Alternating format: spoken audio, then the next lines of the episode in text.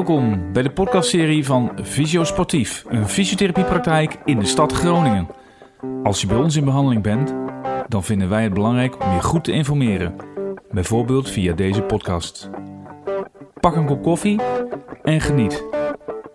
Wil je meer weten over dit soort onderwerpen? Abonneer je dan nu op ons Spotify-kanaal en Instagram-account. Veel plezier!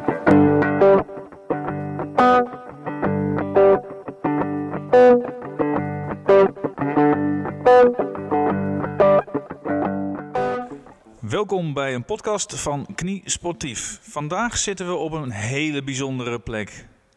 Longhoods, Porsches. En dat zitten we omdat we gaan hebben over uh, kraakbeenschade en ook een beetje slijtage. Uh, op jonge leeftijd, en dan moeten we ongeveer denken tussen de 20 en de 40 jaar, dat we daarover gaan hebben. Komt dat vaak voor? Nou, dan gaan we straks horen van uh, Reinhard Brouwer, die tegenover mij zit aan tafel. Reinhard, zou je je kort weer willen voorstellen? Ja, uh, Brouwer, ik ben orthopedisch chirurg in Martien ziekenhuis. Uh, met mijn aandachtsgebied, of mijn aandachtsgebied is kniepathologie. Uh, van kraakbeenletsels tot uh, volledig versleten knieën, tot sportletsels, tot uh, protheses die niet functioneren. Dus het hele palet uh, voer ik daaruit. En daarnaast doe ik nog wat activiteiten buiten het ziekenhuis. Ik ben ook nog clubarts, een van de clubartsen van FC Groningen, waar ik af en toe dan mee op pad ga. En dan heb ik nog iemand uitgenodigd, Martijn. Welkom. En ik heb Martijn uitgenodigd omdat jij, jij bent ervaringsdeskundige als het gaat om jong zijn en kraakbeenschade hebben in je knie. Ja, ja dat klopt. Knieën. Kun je je kort voorstellen? Ja, nou, ik ben uh, Martijn Wassenaar, uh, woonachtig in uh, Groningen. In het dagelijks leven ben ik, ben ik onderwijsmanager bij een mbo-school, of ja, bij diverse locaties. Um, en ja, inderdaad, een aantal jaren geleden is bij mij kraakbeenletsel geconstateerd. En ja, sportief minded, zeg maar. En, uh, maar je loopt wel eens wat tegen wat dingetjes aan. Dus in die hoedanigheid zit ik hier. Nou, duidelijk. Uh, Reinoud, neem ons eens mee onder de motorkap van de knie. Wat zien we er allemaal? En wat zijn de schokbrekers, banden en remmen van deze knieën? Nou, als je een knie... Uh, je maakt onderscheid tussen buiten- en binnen het gewricht. Uh, buiten het gewricht zit natuurlijk de spier in de pezen. En de binnen- en de buitenband zitten ook eigenlijk buiten het gewricht. Ga je in de knie, dus in het gewricht, uh, wat heb je daar? Je hebt natuurlijk de meniscus, heb je een binnen- en een buitenmeniscus, die, dat zijn de schoktempers eigenlijk. Je hebt uh, je voorste en je achterste kruisband, die zorgen eigenlijk voor de stabiliteit. De gordels van, de, van, van, het, van de knie. Nu snap ik het ook. En dan heb je het, het kraakbeen, dat zijn eigenlijk de glijvakken, waar, we, het vandaag met name over gaan hebben. Dus de glijvlakken van de knie. Uh, en daar zit ook wat schokdemping in. Dus als je dat uh, met een kijkoperatie bekijkt, dan lijkt dat kraakbeen eigenlijk op een hardgekookt eitje. Het is een beetje verend en heel glad. En dat glijdt dan over elkaar heen. Dus het zijn nogmaals je glijvlakken. En als we dat kraakbeen, als we daar eens een beetje op in gaan zoomen, wat is dat voor een substantie? En zo, dan wordt hier, komt hij nu een poosje naar beneden zetten. Hoor ik. En wat maakt het dan zo lastig voor met name de jonge mensen uh, om dat probleem te hebben? Wat, wat, uh, ik kijk hier om je heen, Reinhard. Ik zie allemaal hele oude Porsches staan. Ja. Maar die zien er briljant nieuw uit. Dus daar hebben ze een nieuw laagje kraakbeen in gezet. Ja. Waarom lukt dat bij ons dan niet? Wat is die, wat is die kraakbeen? Wat maakt dat zo bijzonder? Uh, nou, kraakbeen is eigenlijk, een, het is eigenlijk elastisch. Het veert een beetje en het is heel glad.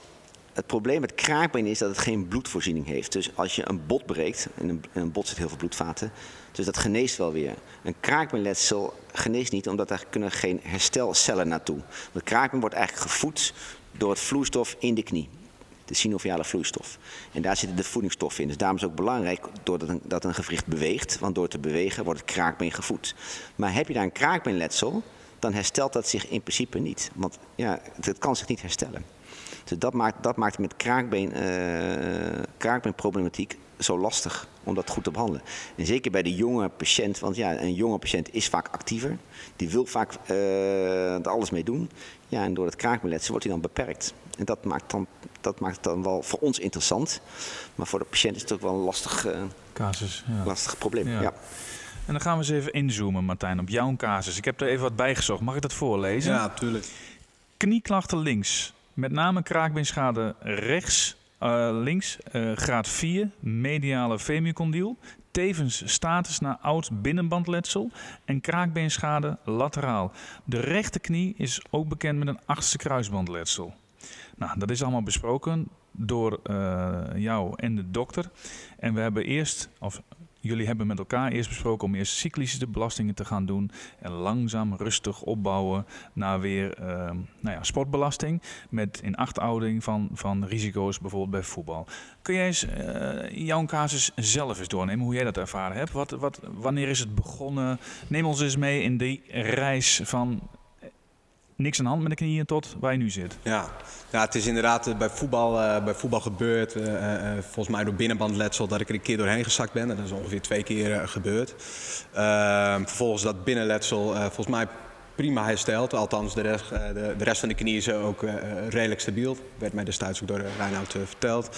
Ehm, en dan kom je erachter als je dan weer begint, na wat fysiobehandelingen, dat uh, als je te snel begint, dat die toch weer uh, onrustig wordt, dat je toch weer wat last van je knie, knie krijgt. En dan ja, kom je toch weer terug bij de orthopeed en dan, dan ga je kijken van hé, hey, is er nog wat meer aan de hand dan dat binnenbandletsel? nou, MRI-scan gehad en dan was het duidelijk op te zien dat ja, kraakbeenschade was als het ware.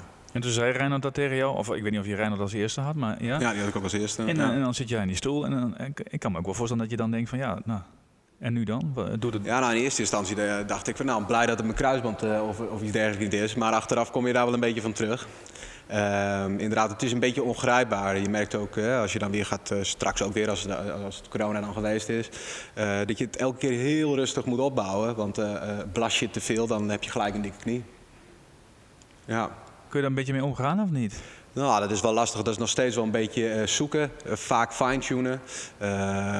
Om uh, deels op te vangen uh, sport ik wel één keer in de week bij de fitness in ieder geval op mijn knieën. Heb ik bovenbeen, gezien. ik was daar getuige van ja, vanochtend. Je was er vanmorgen nog getuige van, ja. inderdaad. om mijn bovenbeen in ieder geval sterk te houden. Dan kun jij onderschrijven als fysio natuurlijk. Ehm, dat als je sta stabiliteit vanuit de bovenbenen creëert, zeg maar als het ware bij je knie. Nou, dan neemt dat al wel een deel van de klachten weg. Maar toch is het elke keer, hè, na een zware voetbalwedstrijd bijvoorbeeld, uh, kan die knie best wel weer, weer een keertje vollopen, zeg maar. Dat is elke keer fine-tunen en zoeken. Nou, heel klusje. Een behoorlijke puzzel, zoals ik hoor, aanhoor. Reinoud, wat betekent kraakbeenschade? Want neem ons eens mee in dat verhaal. wanneer spreek je eigenlijk van kraakbeenletsel? Want er is ook een hele grote verwarring volgens mij met... Ja, ik heb artrose. Ja, dat heb ik ook, want ik heb ook kraakbeenschade. Maar dat is volgens mij niet hetzelfde. Nou ja, kraakbeenschade is eigenlijk het, het vroege stadium. Uh, maar artrose is natuurlijk ook dat de kraakbeen weg is. Dus je kan, uh, kraakbeenschade kan je ook zeggen, het is zeer lokale artrose. Ja, dus, maar daar, daar hebben we het dan over. Hè? Ja. Het, een, een uiteindelijk, uiteindelijk, is het een aandoening van het kraakbeen. En uh, ja, artrose klinkt altijd heel ja, heftig en oud. Ziektebeeld. Ja, ziektebeeld. Dus, dus, we noemen het dan bij de jonge patiënt vaak chondropathie. Ja. Maar chondropathie graad 4 bijvoorbeeld, dat is gewoon karbot. Dus het kraakbeen is daar weg. Dus als wij kraakbeenschade uh, scoren, dan doen we dat uh, volgens de gradering. Gaat 1, 2, 3, 4. Graad 0 is normaal kraakbeen, graad 4 is karbot. Dat is 1. Je kijkt ook van hoe groot is het. Hè? Is, hoe groot is het kraakbeendefect? Is het 1 vierkant centimeter, 2? Of is de hele, hele condyl aangedaan? Of de condyl, de bovenkant van het bovenbeen en het onderbeen? Uh, dus dat is, een, dat een, een, een uh, wat we naar kijken. En uh, op basis van die gegevens kunnen wij een advies geven. Is het, maar als ik dan, jij, zegt dan ergens zit een kraakbeenschade uh, graad 4. maar dat is dan geen artrose, want Uiteindelijk is het, het, is, is het, is het een voorstadium van artrose. Ja, daarna gaat de rest van het gewricht wel een beetje eraan. Ja, ja kijk, de Engelsen noemen dat uh, osteoarthritis. Hè? Dus dat is, weer, een andere benaming. Maar uiteindelijk is, is chondropathie, graad 4, is eigenlijk gewoon artrose eigenlijk. Alleen het is lokaal vaak. Dan noemen we het, maar een, een artrose knie is eigenlijk een versleten knie. En dan is het heel diffuus op meerdere plekken. Ja. Uh, ja, en de overgang is een beetje geleidelijk. Hè. Het is van chondropathie, gaat 4, lokaal wordt het meer groter, boven, onder. Uh, en uiteindelijk noemen we, gaan we het artrose noemen. En dan lees ik af en toe eens een keer iets over OCD. Ja, Is dat, moeten we dat ook schalen? Mag je straks even uitleggen wat het dan precies is. Maar mag je dat ook schalen onder een kraakbeendefect, wat we dan even over het algemeen volgens mij vaak zien bij jonge mensen? ja. Dus als je een kraakbeenletsel, eh, als mensen ermee komen, dan moet je altijd kijken, is er een trauma aan vooraf gegaan of is het spontaan ontstaan? En de mensen met een OCD, een osteochondritis dissecans, een, eh, een moeilijk woord. Ehm, dat is een, een, een, eigenlijk een aangeboren zwakte in een knie. Dus daar is een stuk kraakbeen met bot laat los. Dus dat is, dat is eigenlijk iets anders dan een kraakbeenletsel wat door een trauma ontstaat. Want dan is vaak alleen het kraakbeen aangedaan. En een OCD, dus dat is zowel bot als kraakbeen, laat dan geleidelijk los. En als dat loslaat, ja, dan heb je dus en een kraakbeeneffect, maar ook een boteffect. En dat is natuurlijk wel lastig op te lossen, want dan moet je zowel het boteffect oplossen als het kraakbeeneffect. Ja. En het zijn vaak hele jonge mensen.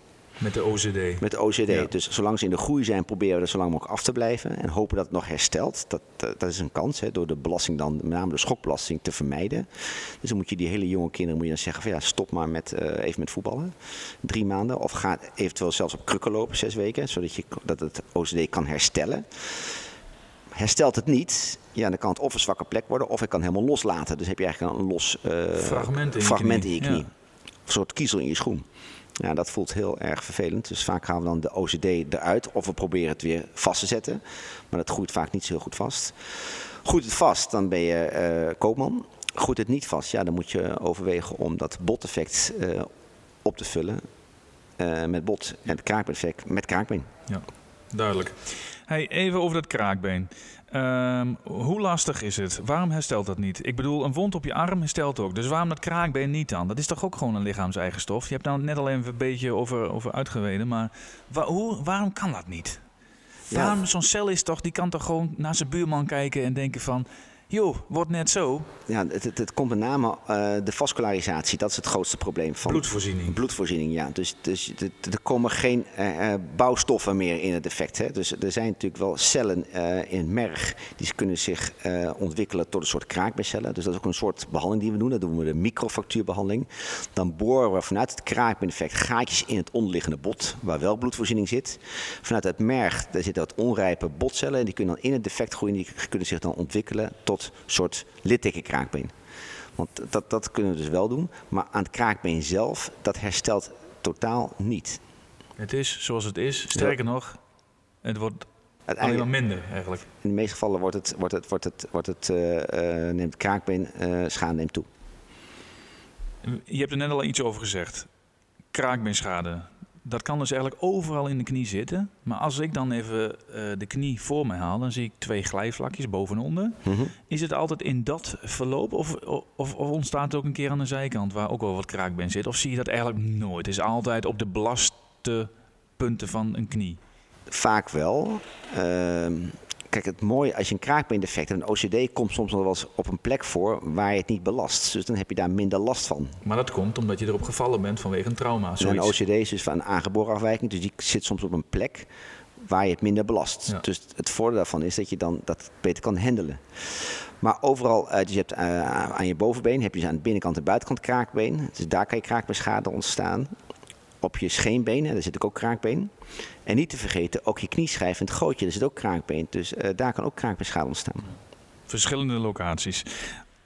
Nu we wat meer weten over dat kraakbeen gebeuren, dan ben ik ook wel benieuwd. Zeker naar jouw verhaal, Martijn. Wat zijn nou de symptomen? Wat, hoe, wat, heb, wat is, jouw ervaring met kraakbeenschade? Hoe, hoe ben je erachter gekomen? En dat heb je net natuurlijk al verteld dat je het niet wist en toen naar de dokter gegaan bent en die heeft het je verteld. Maar wat, wat zijn nou symptomen? Nou, wat, wat bij mij eigenlijk altijd gebeurt is, uh, het begint eigenlijk een beetje met, uh, met een stijve knie na het sporten. Maar vervolgens heb je gewoon uh, een dikke knie met vocht erin als je maar doorgaat. En ja, dat beperk je in het bewegen. Dus je voelt het snel genoeg als als je, als je knie, als er veel vocht in zit. En het doet pijn en ja, je kunt gewoon beperkt bewegen als het ware, zeg maar. En dan kijk ik even stiekem Reinhard aan en denk van ja, dit kan ook gewoon bij een meniscusletsel passen, toch? Dat klopt. Uh, Zijn er, wat jou betreft, wat een mooi geluid op de achtergrond, hè? Mm. Oh, een beetje afgeleid. Uh, maar zijn er specifieke symptomen voor alleen uh, kraakbeenletsel? En dan niet wetend, hè, je kan ook een MRI maken, kun je het zien en dan snap je dat, dat dan kan je het ja. uitleggen. Maar als je dat allemaal niet hebt gedaan, kun, is dat... Uh, kraakbeenletsel, nou precies wat je net allemaal wat je net vertelt. Het is pijn, zwelling. En als een kraakbeen-defect echt loslaat, dan heb je slotklachten. Maar dat, dat zie je niet zo heel vaak. Ehm, dus met name pijn en zwelling. En eh, zeker na belasting. Ja. Gaan we even kijken naar oorzaken van kraakbeenletsel. Hoe kan dat? Hoe komt een kraakbeenletsel voor bij jonge leeftijd, 20, 22, 23 jaar? Want is, is daar iets zinnigs over te zeggen? En, nou ja, we hebben de hele jonge kinderen hebben natuurlijk al de OCD gehad. Hè? Dat is gewoon aangeboren. Ja. Uh, de osteochondritis dissecans. De, de, de, de tieners en de twintigers die hebben vaak kraakbeenletsel door een knieletsel. Dus ze verdraaien een knie, hebben een kruisbeletsel, maar een kruisbeletsel komt vaak niet alleen voor. Er is vaak ook begeleid meniscusletsel of kraakbeletsel, dus een, een knietrauma. Um, sommigen hebben het bij de knieschijf in het gootje, door de knieschijf uit het gootje schiet. Uh, die kunnen ook kraakbeenschade uh, daar, ontwikkelen. Dus dat is met name, uh, maar dat is vaak ook een aangeboren afwijking, door de knieschijf niet goed door het gootje loopt. Daardoor schiet de knieschijf eruit en daardoor krijgen ze kraakbeenschade. Maar het merendeel is gewoon ja, door een knietrauma. Ja. Is er niet iemand die, uh, ja natuurlijk is die de, de, altijd de witte raaf natuurlijk, maar is, er niet, is, is, het niet zo dat de ene persoon gewoon een betere kwaliteit kraakbeen heeft dan het andere? Of schaal je dat ook weer onder het, het aangeboren uh, kraakbeenkwaliteit verhaal? Nou, er is zeker een genetisch uh, component, want je, als je ook jonge mensen met spontaan kraakbeenschade ja. komen, dan vraag ik vaak van, heb je het in de familie dan ook, komt het vaker voor? En dan zegt ze, ja nee, mijn moeder heeft al een nieuw knie bij wijze van spreken. Dus dat, dat, dat, dat zit, zit zeker zeker een genetische, een genetische factor zit daarbij. Ja. Kraakbeen. Hoe komen we er nou achter dat je dat, dat, dat letsel daarin hebt? Diagnostiek. Um, patiënt komt bij mij. Ja, jij weet net zo goed als ik dat ik dat niet uh, kan diagnosticeren. Want dan kunnen we klinisch volgens mij... Ja, je kunt het verhaal aanhoren, goed in de ogen aankijken. Maar als dat het verhaal van jou wordt, Martijn... dat de knie steeds dik wordt en dan weer slank wordt... en klinisch vind je eigenlijk geen bijzonderheden... Ja. Daar moeten we er wat mee. Dan schrijven we netjes een briefje naar de huis als het ik er niet uitkom. En of die misschien uh, door wil verwijzen naar uh, de dokter ja, van de FC. Ja, en dan kom je op zijn uh, spreekuur. En dan gaat hij ook even kijken naar de knie, denk ik, Reinoud. En dan, en nee, wat, begin, is jouw diagnostiek? Nou, ik begin altijd met, het, met de anamnese, het verhaal van wie heb ik tegenover me zitten. Wat is, de, wat is, uh, wat is uh, zijn werkzaamheden? Uh, wat is zijn sport? Hoe lang heeft hij klachten? Is er een acuut moment geweest? Uh, en wat zijn die klachten? Slot, zwelling en pijn. Nou, als, we dat, dat, als we dat allemaal uh, voor de bril hebben, dan gaan we de knie nakijken. En dan kijken ze naar de knie. Hoe is de, zitten de littekens op de knie? Want soms zijn ze al het verleden keer geopereerd, maar zijn ze vergeten te vertellen. uh, hoe staat het been een beetje recht? Hè? Staat de knie een beetje recht? Is er geen extreem O of X-been? Uh, dan kijk je naar de, de atrofie, de spierenomvang. Want Als je weet dat er duikspieratrofie uh, aanwezig is, dan betekent dat dat wat langer gaande is. Verder kijken naar de zwelling. Hè. Zit er vocht in de knie? Want dat is vaak uh, om, te differentiëren, om te differentiëren, onderscheid te maken. Zit het in het gewricht of buiten het gewricht? Want als je als een oorzaak hebt van buiten het gewricht, wordt de knie natuurlijk niet dik. Dus hierop staat de zwelling in het gewricht. Dat is vaak ook een goed uh, kenmerk. En verder kijken naar de stabiliteit. Want is er meer aan de hand dan een, een kraak- of meniscusletsel? Uh, dus dan, je, je, test even de mediale, uh, de binnen- en de buitenband. Je test de kruisbanden en je kijkt ook naar de functie. Uh, functie bedoel je, hoe, hoe kan hij buigen? Hoe, hoe ver kan hij buigen, hoe kan hij strekken? Want als je al een functiebeperking hebt, dan is het vaak ook al langer gaande. Want in principe, als je een vers kraakbeletsel hebt, ja, of het moet ergens los zitten waardoor je niet kan strekken, dan heb je slotklachten. Maar normaal gesproken moet je eigenlijk een normale functie van de knie hebben bij een vers kraakbeletsel. 140 over 0 ja. over 5. Ja, of de, knie, of de knie moet extreem gezwollen zijn, ja, waardoor ja. je dan beperkt bent. maar dat zie je. Ja. Nou, en dan uh, begin je natuurlijk altijd snel met een, een röntgenfoto. Want daar kan je natuurlijk wel de slijtage op beoordelen. En hoe zie je dat dan? Doordat de, de ruimte tussen de twee botdelen duidelijk minder wordt. Dus als je een röntgenfoto bekijkt, dan moet er eigenlijk ruimte zitten tussen het boven- en het onderbeen. Ja. En we maken daarom ook die foto altijd belaststaand. Dus als die ruimte minder is, dan betekent dus dat er kraakbeen en meniscus weg is. Ja. Dus Wat niet afgebeeld wordt op de foto, dus dat, nee, dat zie je dat dat... Precies. Maar goed, dat, dan ben je al in een, een vergevorderd stadium. Dat is meer onze leeftijd. Precies. Um, dus bij, de volgende stap is altijd een MRI-scan. Ja. Want daar zie je eigenlijk... Uh, uh, de kraakbeenschade kan je daar het best op beoordelen. Zo fascinerend zo'n MRI, of niet? Want je kunt gewoon alles in plakjes... Je loopt gewoon van A tot echt Z ja. door die hele knie heen, heel stapsgewijs. Dan kom je echt alles tegen, Ja. volgens mij. Op, eh, inderdaad, eh, de, de MRI's van tegenwoordig die zijn zo scherp en, en, en zo gedetailleerd dat je eigenlijk daar eh, bijna alles op kan zien. Soms te veel. Nou, ik, ik, ik, soms wordt de kraakbeschade wel eens hoger gescoord op de MRI dan als ik daarna in de knie ga kijken. Dan wordt het bijvoorbeeld op een MRI gescoord als 4. Dan denk ik van nou, dan kijk ik in de knie en denk van het is maar een 2. Want jij gaat daar, daar komen we zo nog wel op, denk ik, met tasthaken in, dan voel je dat een beetje. Ja. Ja, precies. Dus dat, de MRI is eigenlijk het standaard onderzoek om de kraakbeenschade, locatie, grootte en diepte te bepalen. Dus jij gaat de MRI in, Martijn. Je wacht een paar weken, de radioloog plast erover, Reinhard kijkt er nog een keer naar en dan kom je weer terug en dan zeg je tegen hem, je hebt kraakbeenschade graad 4 op een locatie en dan kom je met advies. Zo, dat is eigenlijk een beetje het idee. Je kijkt natuurlijk naar begeleid letsel, hoe is het met de banden, hoe is met de ik, meniscus. Want de meniscus eh, die beschermt het kraakbeen. Dus eh, ja, we weten ook als je een groot gedeelte van de meniscus verwijdert, dat je ook een verhoogde kans hebt op kraakbeenschade. Nou, als we even gaan kijken, ehm, en dat moet je maar ook even terug eh, refereren naar het eh, stukje diagnostiek en in de behandelkamer. Want ja, niet alles wordt geopereerd. Niet overal is een methode voor dat je het kunt oplossen. Sterker nog, misschien is dat hier wel helemaal lastig. Maar altijd dat gedoe met het kraakbeen. Is er nu nog steeds geen pasta? Ik vraag je dat elk jaar weer, Reinoud. Dat je er even in spuit of weet ik veel wat. En dat, je, dat het dan weer beter en beter en beter wordt. Nou, dus er zijn diverse mogelijkheden. Zoveel onderzoeken zijn er gaande. Eh, de, de, de, het hangt natuurlijk een beetje af van de grootte en locatie wat je eh, eraan kan doen. In eerste instantie beginnen bij kraakbeenschade altijd eerst van pas je belasting aan, vermijd schokbelasting. Eventueel doen we wel eens injecties, hyaluronzuur, dat heeft soms wel het effect. Werkt dat niet, dan kunnen we overwegen eh, om een operatie te gaan doen. En heb je verschillende, eh, verschillende mogelijkheden. En het hangt een beetje van de grootte en de diepte en de locatie wat we kunnen doen.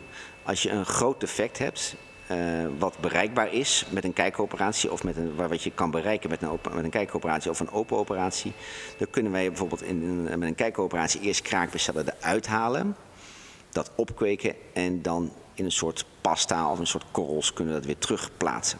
Dus dat is eigenlijk de, de meest moderne techniek die er op dit moment is. Het probleem is dat het erg kostbaar is en ehm, dat je niet alles kan, eh, je, komt, je komt niet overal bij. Dus met name kraakbeenschade van het bovenbeen, dat is goed te behandelen, de knieschijf ook. Maar het kraakbeenschade van het scheenbeen is wat lastiger. Je kan, dat komt er gewoon moeilijker bij. Dat, dat, dat, dat is eh, Technisch gezien. technisch gezien, ja, dat, dat je- Je lift die meniscus toch even op aan de onderkant en dan ben je er toch, Reinoud? Nou, dat is, zeker als het achterop zit, kom je daar heel lastig bij. Waarschijnlijk zal in de toekomst zullen we dat, dat, dat zeker gaan doen. Maar omdat het kostbaar is, eh willen we het ook aantonen aan, eh, aan, Moet je het aantonen misschien wel? aan, aan, aan dus bijvoorbeeld aan de zorgverzekeraars van weet je, dit werkt wel. Dus als je meteen de hele complexe eh, patiënten gaat behandelen en die falen, dan zegt de zorgverzekeraar, ja, waarom zullen we dat vergoeden? Want er is helemaal geen bewijs dat het werkt. Nee, dus we beginnen natuurlijk klein. We gaan die indicatie steeds meer uitbreiden, zodat daar steeds meer een plaats komt voor kraakbeenceltherapie. Maar er zijn ook alternatieven. Kijk, je kan ook wat ik net eh, ook noemde, eh, gaatjes boren in het onderliggende bot. Dat doen we met name bij kleinere defecten. En wat is klein? eh, kleiner dan 1 bij Nou, 1? k- k- Of dat 1 bij 1 is al groot, denk ik, of niet? Nou, één bij één, dat kan. Dat is, dat, is een, dat is een indicatie om gaatjes te boren. Ja. Hè, dus men zegt ongeveer tot 2 vierkante centimeter dat je dan gaatjes kan boren. En dat je boven 2 vierkante centimeter eigenlijk kraakbeenceltherapie moet doen. En wat ook nog een mogelijkheid is, dat je een pijpje kraakbeen ergens anders uit de knie weghaalt. Dus een beetje kraakbeen en een beetje bot. En dat weer terugplaatst. Maar je, je- dat- daar zijn de mogelijkheden natuurlijk beperkt. Want je kan niet eindeloos ergens kraakbeen eh, en bot weghalen. Zijkantjes, heb je ja, niet nodig. Ja, precies. Maar dat, dat, dat, je kan nooit daar hele grote... eh, Nee, gaat dan- ermee vullen. ja. Dus dan moet je een soort eh, meerdere delen eruit halen en daar plaats je dan een soort mozaïekplastiek terug. Maar dat wordt ook nooit zo mooi glad als het oorspronkelijke kraakbeen. Nee, maar dan ga ik, eh, we gaan met z'n drieën gaan, duiken we gewoon even die motorkap in van die knie. En dan zien we dat gat, dan kijken we omhoog en dan, en dan zien we een gat van een centimeter bij een centimeter. En, en wat, wat ga jij dan doen, Reinhard, als je praat over, want je hebt net al gaatjes pikken, de, de, de microfracturing, denk ik of niet? Ja, microfracture. ja. Wa- wa- Wat, wat, wat, doe, wat gebeurt er dan? Wat doe je dan? Want je, er zit geen kraakbeen, dus hoezo eh, ga je er een gat in maken? Nou, je haalt het, eh, het, inderdaad, de kraakbeen is weg. Je zorgt dat het kraakbeendefect, de, scherp, de randen mooi scherp zijn, niet verder afpelt. En dan ga je, dat, dat, dat onliggende bot, dat zie je dan ook tijdens de operatie. En dan ga je met een, of, een, uh, met, of met, een boor, met een klein boordje of met een, uh, een ice pick, noemen we dat dan, ga je een kleine gaatje maken. Zodat het, uh, dat, dat er een verbinding komt met het onderliggende bot. In het, het merg van het bot. Hè, en daar zitten onrijpe cellen. En die kunnen dan vanuit het bot in het defect, defect gaan terechtkomen. En die kunnen zich dan weer ontwikkelen tot een soort kraakbeencellen. Die cellen die zijn heel, heel, heel onrijp. Dus die kunnen zich ontwikkelen tot een soort botcel of een soort kraakbeencel, afhankelijk van waar ze zitten. Dus dat is een mogelijkheid. Alleen de ervaring is dat dat bij kleine defecten goed werkt. Maar bij grote defecten werkt dat minder goed. En dan moet je meer naar andere behandelingen, uh, meer complexe behandelingen, zoals de kraakbeenceltherapie. En hoe ziet dat dan? Uh, en ik wil zo nog even terugkomen met, met jou, Martijn, over het, uh, ja, het conservatieve traject. Dus eigenlijk zonder dat uh, Reinoud erin ja. gaat kijken. Maar hoe ziet zo'n behandeltraject eruit dan van microfracturing? Stel dat je kunt het doen, dat is 1, 1, 1, 1 bij 1 centimeter. Wat, uh, hoe invaliderend is dat voor de patiënt? Kan, kan hij of zij uh, een week later weer lo belast lopen? Hoe, wat, nou, men wat zegt? Men zegt dat je eigenlijk dat gedeelte wat je... Waar je gaatjes gemaakt hebt in het bot, dat je die even een tijdje moet ontlasten. Dus we zeggen dan vaak dat je zes weken op krukken moet lopen. In de mate van belasting bepa, het maakt natuurlijk uit waar het kraakbeen-defect zit. Maar over het algemeen kan je zeggen dat je toch wel zes weken met krukken loopt. Om, om het kraakbeen-defect uh, rust te geven en dat daar uh, weer dat littekenkrapen kan groeien. Ja, dus gewoon een gatvulling van het onderop eigenlijk. Hè? Het groeit, groeit, groeit naar boven toe. Ja. ja, en dan... ja. Dus dat is, uh, het is niet zo dat je er een week daarna weer kan. Uh, Nee, maar dat is goed om te weten. Want ja. volgens mij is dit hele verhaal, de grote rode lijn, en houden we altijd van in verhaaltjes, is volgens mij een stukje verwachtingsmanagement. Ja. Hè?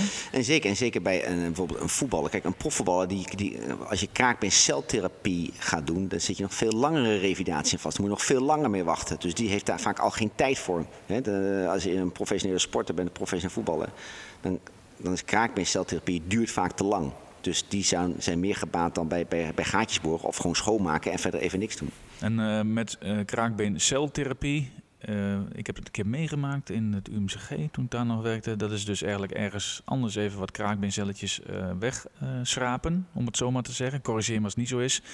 Opsturen.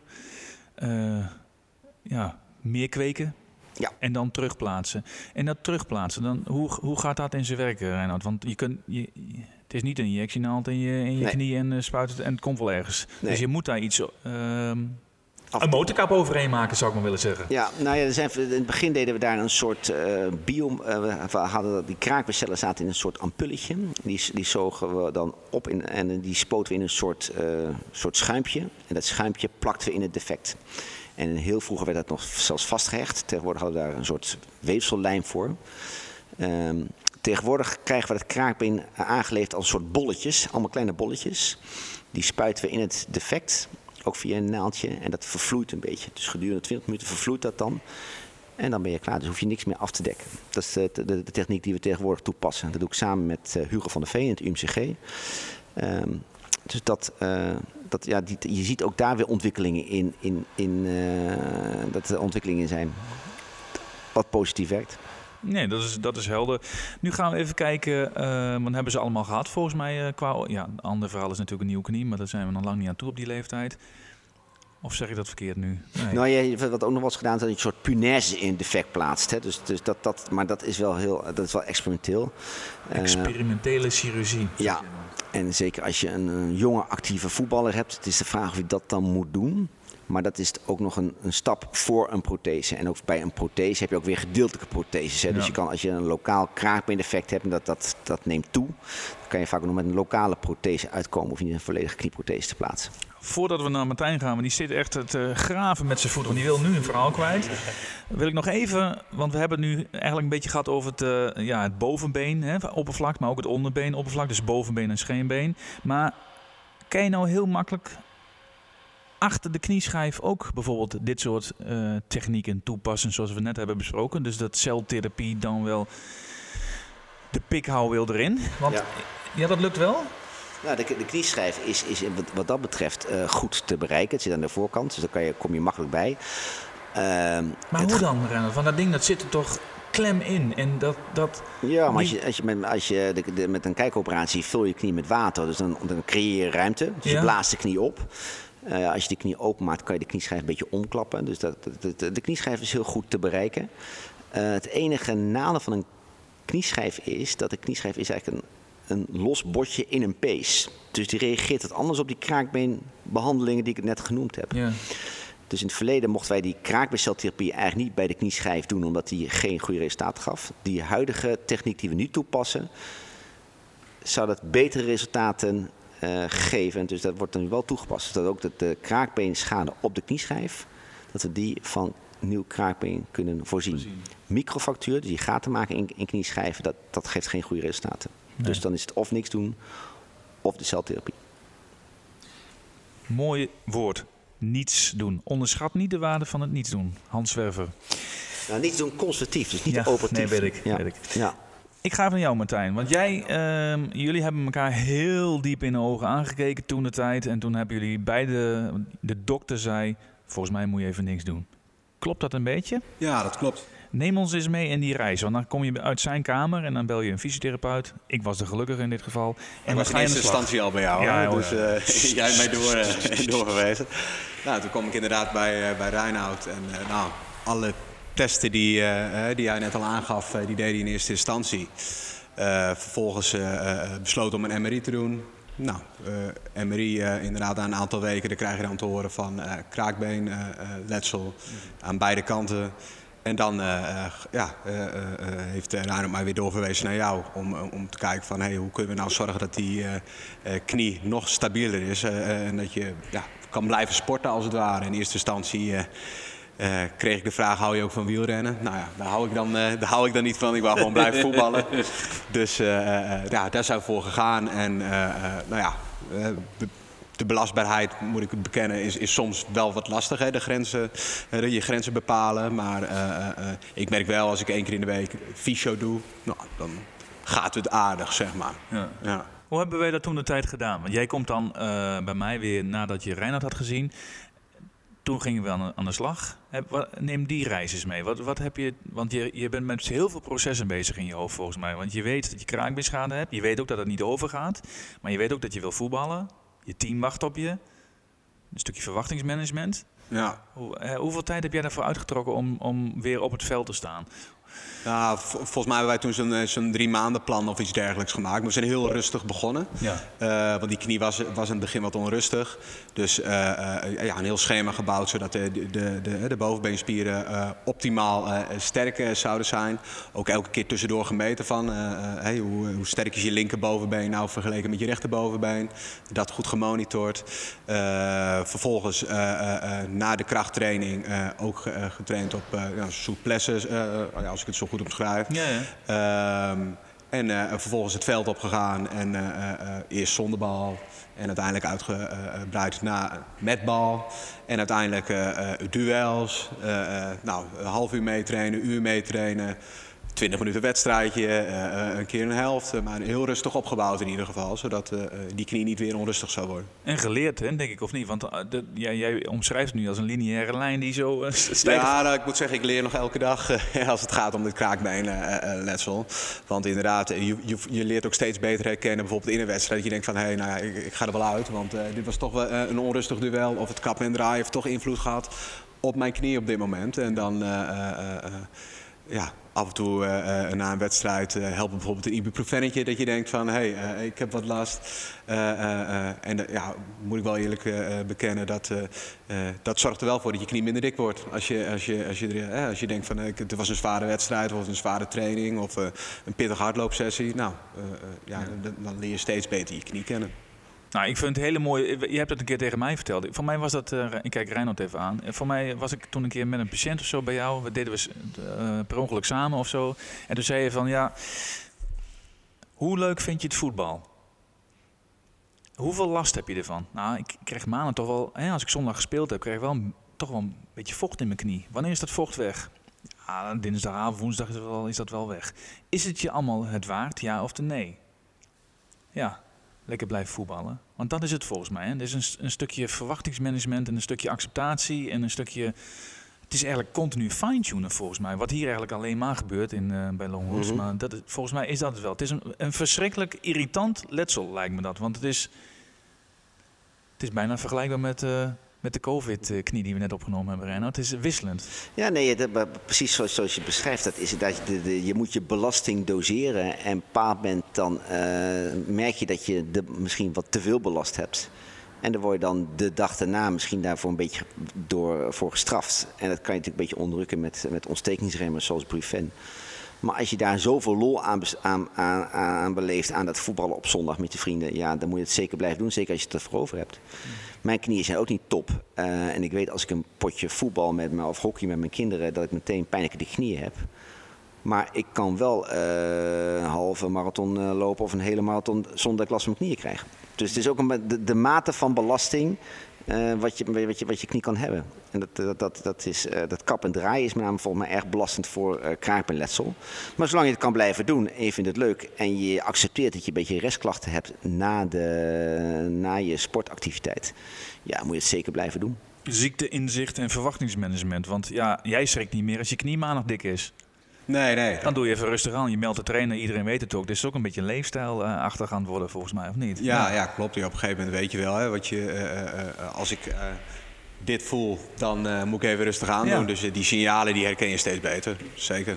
Voor mij is het ook een beetje. Ik zit hier natuurlijk als Leon de, de gastheren een beetje aan elkaar te kletsen. Maar ik, ik loop ook wel tegen dit soort casus aan qua revalidatie. Hè? Want we- daar hebben we het nog niet over gehad. Eh, sommige kraakbeenpatiënten die kunnen gewoon niet trainen. Omdat het te veel pijn doet. Ja. ja, het belopen is soms heel verschillend. Ik heb, ik heb ook jongens die hebben dan bij- bijna volledig versleten knieën aan één zijde. Nul last. Nul last, maar die doen, die doen er alles mee. En sommigen hebben een heel klein kraakbeendefect en die hebben daar heel veel klachten van. Dus het is ook altijd een beetje, je kan het niet allemaal over één kam scheren. Dus je moet soms toch zeggen dat, dat gedoseerd belasten. En misschien kan je de ene activiteit juist wel heel goed doen. Kijk, voor- bijvoorbeeld voor mij geldt dat ik hardlopen kan ik eindeloos doen. Terwijl als ik 20 minuten op een, op een, sportveld sta met een bal met kap en draaien, heb ik meteen eh, de volgende dag pijnlijk de knie. Dus het is ook een beetje waar, waar, waar- ja, hoe reageert mijn knie op de kraakbeschade? En dat is alleen maar door gedoseerd de belasting uit te breiden. En, waar het, en dan kijken waar het, waar het, waar het strandt. En, eh, en, en ja, Nou, dat is wel grappig, want de, de, de revalidatie van kraakbeenschade, zoals jij dat hebt, eh, Martijn, is ook, is ook wisselend voor ons als fysiotherapeuten. Want de ene, dat is wat Renner ook zegt, de ene die eh, heeft eh, eigenlijk eh, ja, roofbouw gepleegd op zijn lichaam en die heeft het niet goed onderhouden. En de spier, en de, de forse atrofie, dus de spieromvang is gewoon minimaal geworden. Dus die kun je makkelijk weer optrainen. En als het dan niet lukt, dan hebben we echt een probleem. Want jij kunt er niks aan doen of wil er niks aan doen, Reinoud. En de patiënt wil dat ook nog niet opereren. Nou, daar hebben we dan trucjes voor bedacht als blood flow restriction. Dus je krijgt een band om je bovenbeen. En dat is puur op basis van dat je met minder kilogrammen toch hetzelfde effect kunt nabootsen. Nul wetenschap. Maar ik heb er nu volgens mij drie of vier gehad. En die met zo'n bandje om kun je ze de eerste zes, zeven, acht weken mooi eh, bijsturen. En dan heb je ze op, ja, op een soort van rails dat ze wel weer belast kunnen gaan trainen. Maar goed, dat is te weinig hè, voor een groot onderzoek. Zes mensen. Hè? dat is iets te Iets te weinig. Dat noemen we een pilot, noemen we Ja, dat. hè. nou, Dat zijn kijk, de- nou, goed bezig. Ehm, ja, nu komen de mooie dingetjes. Eh, luisteraars, ik heb natuurlijk eh, via de, alle, alle mogelijke sociale mediakanalen heb ik allemaal eh, vragen uit laten stellen. Of niet, nou, eigenlijk gevraagd van, joh, en wat... Best wel wat mijn verbazing eigenlijk is, is dat heel veel vragen zijn er binnengekomen. Renan. Dit, is, dit is een mega populair letsel, dit. Oh, nou, populair, maar komt, komt natuurlijk veel voor. Ja, gigantisch. Ja. Als je, zullen we er eens even doorheen lopen? Ja? En jij hebt alle wijsheid in pacht, dus ik verwacht van jou alle antwoorden, Reinhard. Wat is jullie mening over koelen van het kniegewricht na zware activiteit bij een reactieve knie? Dus ik, je kunt het op verschillende manieren lezen, volgens mij. Ja, nou, ik denk eh, koelen is altijd goed. Als een knie reactief is, betekent geïrriteerd. Dan werkt koelen als ontstekingsremmend. Want hè, de knie is geïrriteerd, dan doen wij eigenlijk een soort ontsteking. En dat kan je onder andere door koelen kan je dat heel goed eh, eh, onderdrukken. Eh, dus dat, dat is een, zeker een goed, goed Middel om te advies. proberen, ja, ja. ja. Ja, Wij hebben een tijdje ook ehm, na een operatie, dat ging over knieën, hebben we na de operatie een patiënt een week lang een koelapparaat meegegeven. En we zagen dat bij de patiënten die de koelapparaten meekregen duidelijk minder eh pijnstillers gebruikten.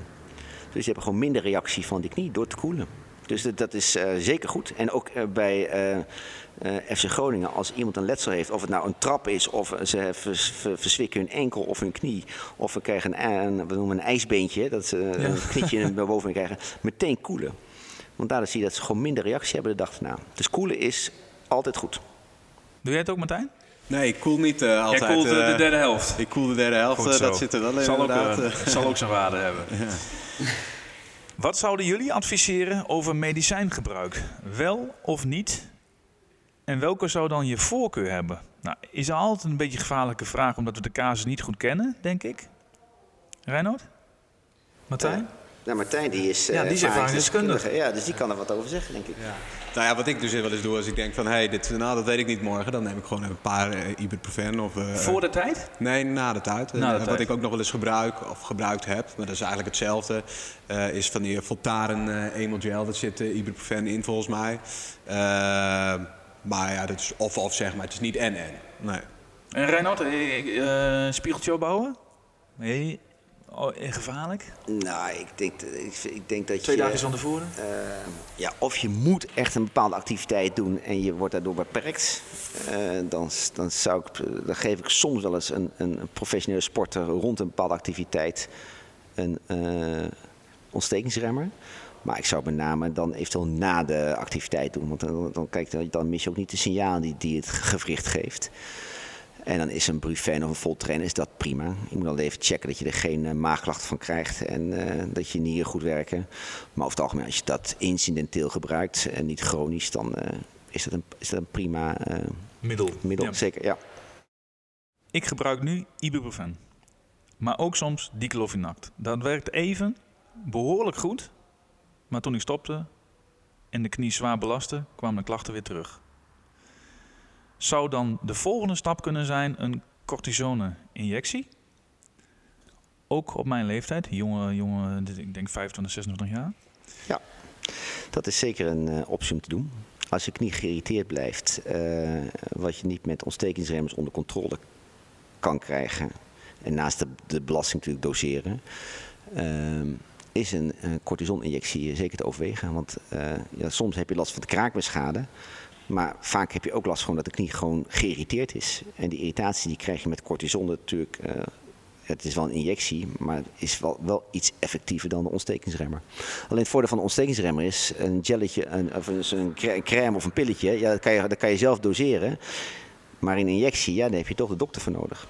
Dus dat is het, eh, is mooi als mensen met, met, met eigen middelen het onder controle hebben. Want ja, dan ben je niet afhankelijk van een dokter. Want bij mij moet je natuurlijk een afspraak maken. Eh, ja, je, Voordat je bij jou komt, heb je al een afspraak moeten maken bij de huisarts. Precies, dus eh, Zijn er al middelen of medicijnen die aantoonbaar herstel realiseren aan het kraakbeen? Zoals glucosamine of iets dergelijks. Nou, eigenlijk heb je daar net al antwoord op gegeven. Nou, de, de, de, de, eh, de wetenschappelijke onderbouwing is zeer beperkt. eh, van glucosamine, chondroïtine. Eh, maar ik zeg altijd van, weet je, probeer het. Heb je de baan bij, dan is het gewoon mooi meegenomen. Heb je geen baan bij, dan stop je ermee.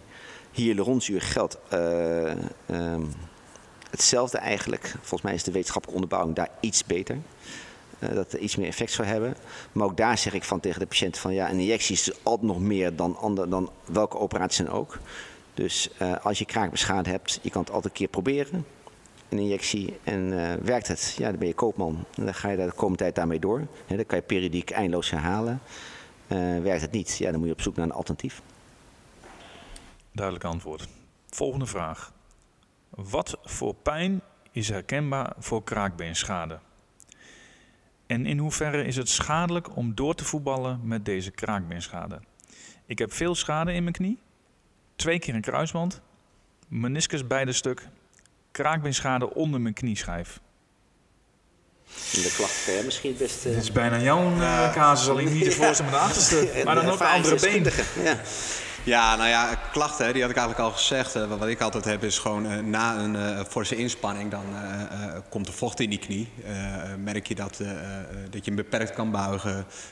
voel je ja, de demping lijkt wel wat weg. Eh, als je een trap oploopt, uh, dan doet het wat pijn. Het dreunt wat verder door naar je knie.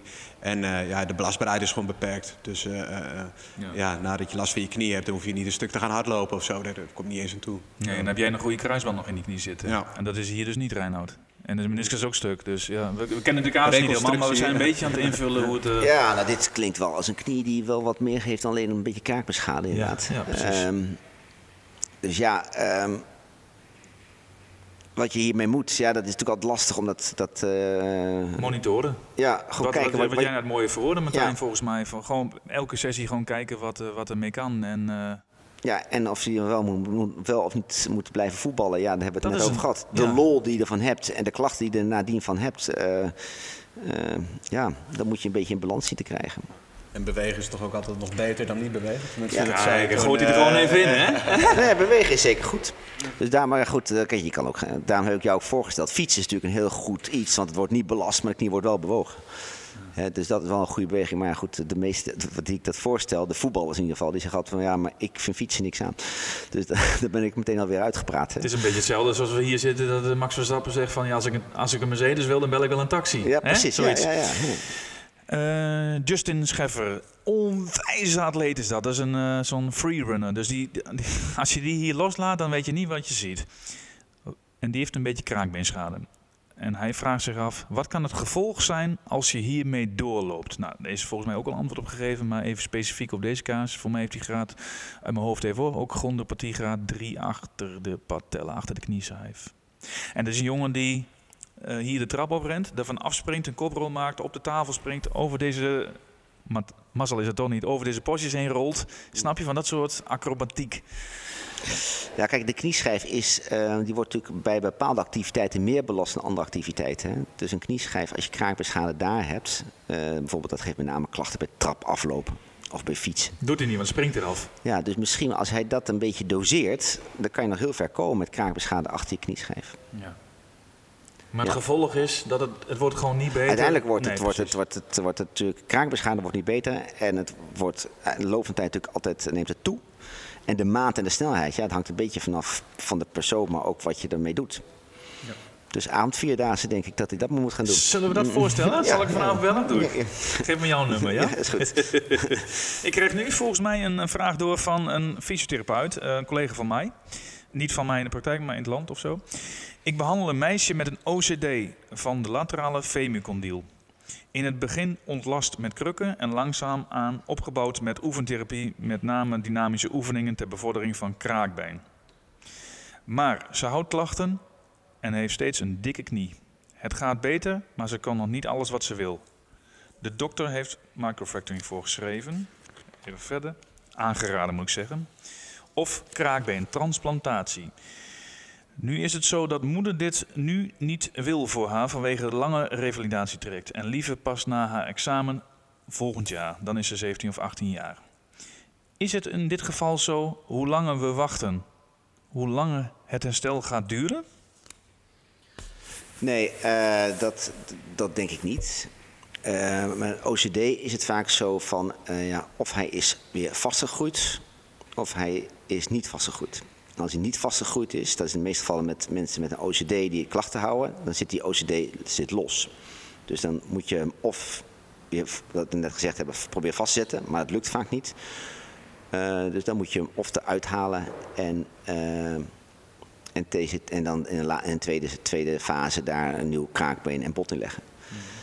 Uh, bij sommige mensen is het wel vastgegroeid, maar is het kraakbeen niet meer goed van kwaliteit. Ja, dan kan je soms dat lokale kraakbeen defect proberen op te lossen. Met wat voor techniek dan ook, afhankelijk van de grootte en de locatie. Maar mijn, mijn ervaring is als mensen met een OCD nog klachten hebben, dan is die OCD vaak niet goed gefixeerd. Dat is een soort kiezel in je schoen. Ja, dat zit gewoon los. En dat, dat lijkt dan, het zit niet los dat je het zo eruit kan pakken, maar het zit dan niet uh, goed vastgegroeid. Dus het is, ja, wij noemen dat een fibreus, zit het aan elkaar vast. Dus het is een soort een zwakke plek in het, in, in het kraakbeen. Nou, volgens mij is dat wel antwoord op de vraag. En uh, ik hoop dat ze daar uh, iets aan hebben. En uh, hoor ik jou nou ook een beetje zeggen, nog maar even keer retour orthopeed en nog een keer goed kijken? Nou ja, ik denk de microfractuur, dat heeft, als, als die OCD los zit, die microfractuur heeft dan niet zoveel zin. Dus dan moet je eh, eh, of proberen die OCD vast te zetten. Ehm, maar de botkwaliteit, dat hangt met name af hoe de botkwaliteit is. Ehm, en als, als je het niet kan vastzetten, ja, dan moet je hem eruit halen. En eh, in tweede instantie eh, bot en kraakbeen teruggeven. Ja. Laatste vraag van deze podcast. Weet, en er is ook al antwoord op gegeven, maar herhaling is de kracht. Weten jullie hoe ver het ervoor staat met de ontwikkeling naar het inspuiten van nieuwe kraakbeencellen? Dit is, dit is jouw uh, pakje aan met Hugo van de Veen, samen Ja. volgens mij. Ja. Maak eens reclame, want nu gaan we het allemaal oplossen, Reinoud. Nou, eh, die ontwikkelingen die, die, die, die zijn natuurlijk al jaren gaande. Alleen die worden steeds um, um, uh, beter. De ontwikkeling is, uh, dus in het begin deden we kraakbeencellen. Uh, die moesten dan onder een soort botvliesje terugplaatsen. Maar ja, het is de vraag altijd of die kraakbeencellen daar bleven zitten. En nu zijn we aangekomen dat we een soort van die, van die bolletjes terugplaatsen. Die toch gedurende, je spuit die in en die vervloeien. En dat, dat is na 20 minuten zit het gewoon vast. Dus je hoeft niks meer in te hechten. Dus dat is wel een mooie techniek. En die resultaten zijn goed. Um, en we, we, doen dat landelijk in een aantal klinieken. En we proberen aan te tonen dat het goed werkt. En als het goed werkt, gaan we ook de indicatie steeds verder uitbreiden. Dus grotere defecten, meerdere locaties uh, in de knie. En uh, zo, ja, zo, hopen we dat we in de toekomst, maar het zal nog heel lang duren, dat je mogelijk een heel uh, groot oppervlakte van een knie kan, kan uh, vervangen van nieuw kraakbeen. Ja, maar is dit, dit, dit, is, dit is positief. Ik was een week of wat geleden was ik bij, uh, in Nijmegen bij Enrico de Visser. Ja. En daar heb ik natuurlijk dezelfde vraag gesteld voor het heup gebeuren. En toen ging hij achteroverleunen en toen zei hij van ja maar Leon, het is allemaal leuk al die onderzoeken van het kraakbeen, maar elke maandagochtend ram ik er nog steeds een nieuwe heup in. Dus maar ik, ik, jij bent dan wel voorzichtig wat positiever over het kraakbeen? Of? Nou, kijk, bij het probleem met een heup is dat het veel minder toegankelijk dan een knie. Een knie kunnen we scopisch veel meer doen. Uh, dus wij kunnen dat, een knie is gewoon toegankelijker. En daar hebben we ook gewoon veel meer ervaring mee. Ja. En een, een, een prothese, uh, zeker bij jonge mensen, ja, dat, die worden er niet blij van. Over Max Verstappen, kijk, als je uh, 20% met een volledige knieprothese is niet blij. En dat zijn met name de jonge actieve mensen. Dus je moet dat zo zien als je Max Verstappen in een vrachtwagen zet. Het rijdt wel, maar hij kan niet meer doen wat hij wil. Nee. Dus die prothese moet je eigenlijk bij jonge actieve patiënten proberen te uit te stellen. Uit te stellen want ja, het, uh, ze zijn er niet blij mee. En die prothese heeft ook maar een beperkte levensduur. Kijk, is de knie volledig versleten en ze kunnen niks meer, ja, dan moet je een prothese plaatsen. Maar voor een lokaal kraakbeeneffect is dat natuurlijk uh, niet de indicatie. Nee. Nou, volgens mij is het een heel duidelijk verhaal geworden over kraakbeenletsel op jonge leeftijd. Martijn, ik kijk jou eventjes aan. Zijn we nog hele belangrijke dingen vergeten? Dat jij zegt van ja, maar Leon, wacht even, dit moet je echt weten. Zijn we belangrijke dingen vergeten? Ik denk het eigenlijk niet. Volgens mij was het een volledig, uh, ja. een volledig uh, verhaal. Uh. Ook mooi door jou weergegeven dat je ons even meeneemt in hoe het allemaal gegaan is vanaf de stoel van Reinoud tot aan het voetbalveld. Ja, ja graag gedaan. Joh. Dus, ja. Leuk om zo even Bedankt. En ik, uh, voor mij ook weer nieuwe informatie met de ontwikkelingen natuurlijk. Ja, uh, dit is, uh, dit is goud waard dit. Ja. Martijn, dankjewel. Reinhard, kijk jij nog even aan? Uh, nee, ik denk dat wat zoals Martijn het. Kijk, het, het, is niet altijd meteen opereren. Want uh, soms is het ook een, een niet-operatieve maatregel. En dat kan gewoon doseren van een belasting. Je spieren sterk houden, je activiteit een beetje doseren. Daar kom je soms ook heel ver mee. Ja. En als, je daar niet, als, als dat niet lukt, ja, dan kan je de volgende stap nemen. We, we noemen dat stepped care. Dus eerst gewoon niet operatief, conservatief met oefenen. Eventueel injecties, wil het niet. Kijkoperatie is een minder ingrijpende operatie. Kijkoperatie lukt niet, kan je grotere operaties doen. En zo moet je het een beetje opbouwen. En je moet altijd kijken, want het is niet alleen een kraakbeenletsel, er is nog meer aan de hand. Hoe is het met de banden, hoe is het met de meniscus, hoe is de beenas? Hè? Heeft iemand een extreem O-been of een extreem X-been? Want dat zijn dingen die je moet je wel meenemen in je behandeling. Je kan dan wel alleen focussen op het kraakbeenletsel. Maar als je de andere dingen niet meeneemt, dan faalt je behandeling. Dus je moet met name naar de hele knie kijken en niet naar alleen naar het kraakbeenletsel. Het is echt heel anders dan een, dan een voorste kruisbandletsel. Ik, als ik je nu zo hoor, dan denk ik van ja, zo'n voorste kruisband is, is als een beenbreuk. En jij hebt het net ook al gezegd, hè? ik heb liever dat gehad dan, dan kraakbeen, Martijn. Uh, en dit is echt meer een puzzel. Echt een puzzel wanneer, wat, wat past wanneer. Ja, en waarom, waarom zit kraakbeenletsel er? En als we het gaan oplossen, komt het niet meer terug. Hè? Duidelijk verhaal. Reinhard, mag ik jou nogmaals hartelijk danken voor jouw bijdrage. En volgens mij moeten we nu even door deze fantastische zaken heen lopen. En ik wil ook even Marcel bedanken voor dat, nou ja, dat wij hier mochten zitten. In, ja, We mogen, al, allemaal één uitzoeken, toch nu? Ja, dat, dat, dat begreep ik wel van Marcel. Marcel die is net naar huis gegaan met wat rugpijn. Was mij wel verteld. Ja, wil jij een wit of een blauwe? Maar wat, als je, even, we gaan even on- met onzin verder. Wat, wat zie je nou voor je dan, Reinhard? Wat, beschrijf het eens. Wat zie je, behalve, kijk even langs mij heen. Nou, ik zie allemaal klassieke Porsches om me heen. Dit is toch een Tijdloos. Ja, ja tijdloos, eh, tijdloze auto. En als, je dan, En heel degelijk. en als je dan achter je kijkt, zie je het, gele, het lelijke gele eentje. Maar Ja, ook die die, wordt helemaal weer van 0 ja, naar 100 opgebouwd. ja, nee, het is echt eh, prachtig. Dus, eh, mooi Zullen we een uitzoeken? Ja, we gaan zeker een uitzoeken. Ja. Ja, doen. ja. Ja. Mensen, bedankt voor het luisteren. En hopelijk hebben we veel eh, ehm, eh, antwoorden kunnen geven op eh, eh, de vragen van het kraakbeenletsel op jonge leeftijd. Hoi. Je luisterde naar een mini-podcast van Knie Sportief als onderdeel van Fysio Sportief in Groningen. Wil je meer weten over knieklachten? Abonneer je dan nu op ons Spotify-kanaal en mis geen podcast uit deze knieserie. En eh, wist je dat wij ook een Instagram-account hebben? Apenstaatje Knie Sportief. Tot snel.